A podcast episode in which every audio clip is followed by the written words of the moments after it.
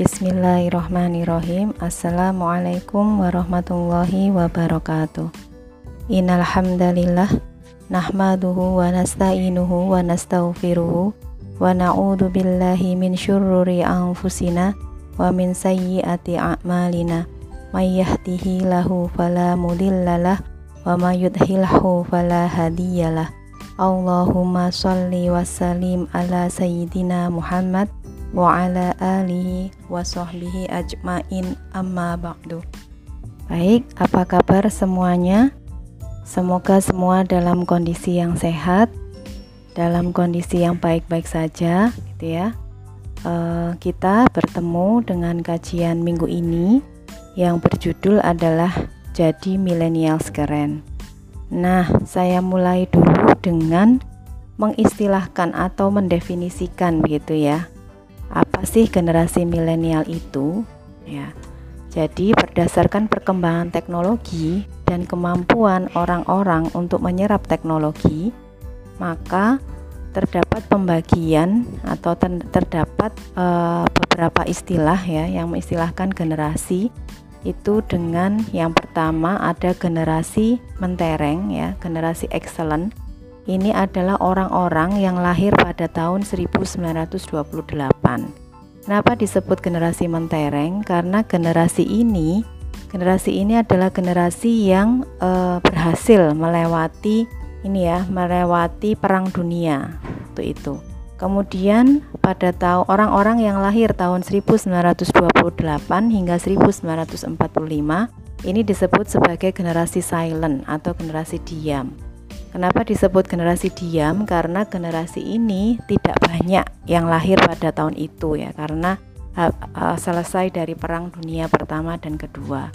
Kemudian pada tahun 1946 hingga tahun 1964, orang-orang yang lahir pada rentang waktu itu disebut sebagai generasi baby boomer. Kenapa disebut demikian? Karena pada tahun itu orang sudah uh, tidak lagi berada dalam cekaman gitu ya sehingga jumlah orang-orangnya sangat banyak. Jadi di sini ini banyak terjadi kelahiran pada tahun 1946 hingga 1964 sehingga generasinya disebut generasi baby boomer. Nah, kemudian eh, di tahun 1965 hingga tahun 1980-an ini yang disebut sebagai generasi X. Generasi X setelah tahun 1800-an hingga tahun 2010 ya, itu disebut sebagai generasi milenial atau generasi Y. Setelahnya disebut generasi Z. Nah, e, dari sini generasi milenial ini dicirikan dengan generasi yang memiliki lima karakteristik terhadap penggunaan e, teknologi. Jadi dia ini sangat melek terhadap teknologi, kemudian dia sangat bergantung pada mesin pencari, lalu dia bisa melakukan uh, pembelajaran dengan dirinya sendiri ya learning by doing dengan melakukan atau mempraktekkan sendiri. Kemudian dia tertarik pada multimedia dan mampu membuat konten internet. Nah ini kemampuan dari generasi milenial. Disebutkan sekitar 75% ya dari uh, kaum milenial ini yaitu yang di antara uh, tadi ya lahir di tahun 1800-an setelah 1800 1980-an maksud saya ini dia uh, menggunakan sosial media. Sedangkan pada generasi X ya generasi yang lahir di rentang tahun 1965 hingga 1980-an ini hanya sekitar 50% saja yang menggunakan sosial media. Sedangkan generasi diam yaitu generasi yang di atas umurnya itu di atas 65 tahun ini uh, hanya sekitar 6% saja yang kemudian uh, mereka ini berkecimpung atau aktif dengan sosial media. Nah, golongan atau generasi milenial ini sendiri kalau di dalam penggolongan usia berdasarkan uh, Islam ya, ini adalah golongan yang sudah dewasa atau mukalaf di mana mukalaf sendiri ini dimulai pada usia kurang lebih 15 tahun.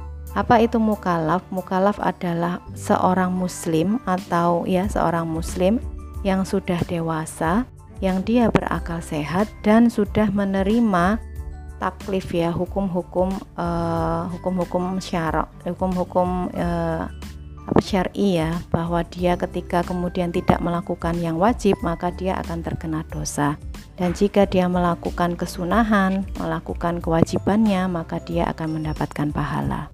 Nah, tetapi meskipun tadi ya kalau dilihat kan generasi milenial ini adalah generasi yang dia ini unggul ya karena dia kemampuannya untuk melek terhadap teknologi.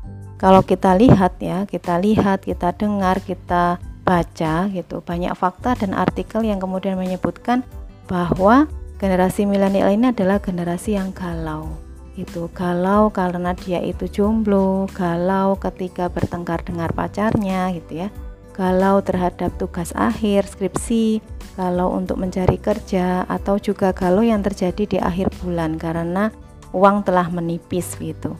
Kemudian generasi milenial ini juga golongan orang-orang muda yang tidak tahu mau berbuat apa sih. Kemudian dia juga bingung dengan masa depannya, bingung bagaimana harus berbuat gitu.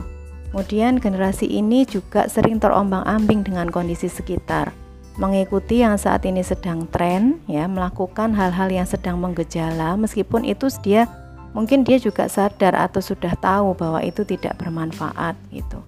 Kemudian generasi milenial ini juga generasi ikut-ikutan. Jadi kalau temannya begitu, maka dia juga akan begitu. Tidak memiliki prinsip yang mendasar ketika dia menjalani aktivitasnya dengan kata lain, dia menjalani kehidupannya ini tidak dengan prinsip yang jelas. Lalu dia juga tidak fokus pada tujuan yang ingin dicapai.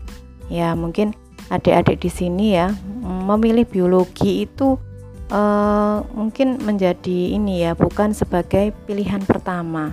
Kalau ditanya uh, kenapa kok memilih biologi gitu, itu sampai-sampai nggak bisa menjawab. Mungkin ada beberapa di antara uh, kita atau ya di antara mahasiswa itu yang kemudian ditanya ya saya biar kuliah aja gitu. Nah itu adalah jawaban orang yang kemudian kita lihat bahwa dia mungkin bingung gitu dengan masa depannya bingung harus seperti apa gitu ya.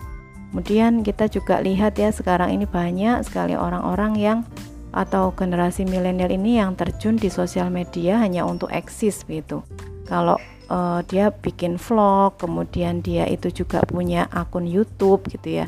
Dia jadi YouTuber itu karena yang lain-lain juga demikian gitu. Meskipun mungkin sebenarnya itu adalah uh, tidak bermanfaat bagi dia gitu ya. Jadi uh, ini uh, banyak fakta dan artikel yang menyebutkan lima ciri ya, lima ciri dari generasi milenial ini adalah generasi yang galau, yang bingung dengan apa yang harus diperbuat, terombang-ambing dengan sekitarnya, kemudian ikut-ikutan dan juga tidak fokus.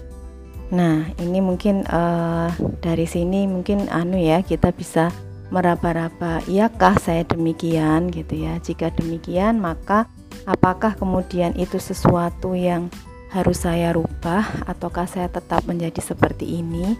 Judul kita hari ini adalah jadi milenial keren. Saya akan uh, kemudian me ini ya mengartikan keren itu apa sih? Keren itu adalah cool ya bahasa Inggrisnya.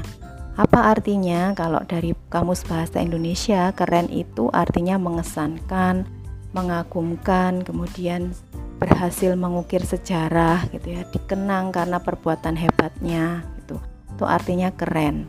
Jadi dia sesuatu yang mengagumkan, mengesankan, berhasil mengukir sejarah gitu ya. Nah, kemudian bisakah menjadi keren?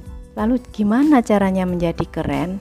Jelas bisa ya, karena kalau kita menelik lagi tadi arti milenial, kemudian kemampuannya ya dalam menggunakan uh, kemampuannya itu, jadi dia berada pada milenial ini adalah golongan muda yang berada pada puncak potensinya, puncak potensi baik uh, baik di sisi akal, emosional dan juga fisiknya.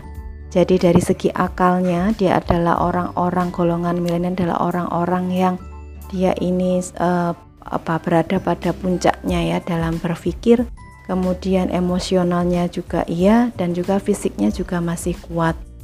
Nah, sehingga jelas ketika kemudian ditanya bisakah menjadi keren seorang milenial itu, ya jelas bisa gitu ya. Ya, dia akan menjadi modal yang begitu besar untuk kemudian menjadi keren sehingga menjadi sangat disayangkan jika kita menghabiskan waktu yang telah diberi ini untuk hal-hal yang tidak memberi manfaat untuk masa depan kita. Ya, mungkin pada waktu pandemi ini ini kita merasa waktu luangnya banyak gitu ya. tapi kita itu nggak bisa melakukan apa-apa gitu belum bisa kemudian melakukan hal yang membuat kita itu mengesankan atau mengagumkan gitu bagi diri kita sendiri mungkin ya atau mungkin juga bagi orang lain seperti itu Nah, sehingga menjadi keren itu jelas kita tidak bisa berleha-leha. Kita nggak cuma bisa, eh, kita nggak bisa hanya kemudian bermalas-malasan gitu ya. Jadi menjadi keren itu jelas harus uh, berkorban gitu ya banyak pengorbanan yang harus kita lakukan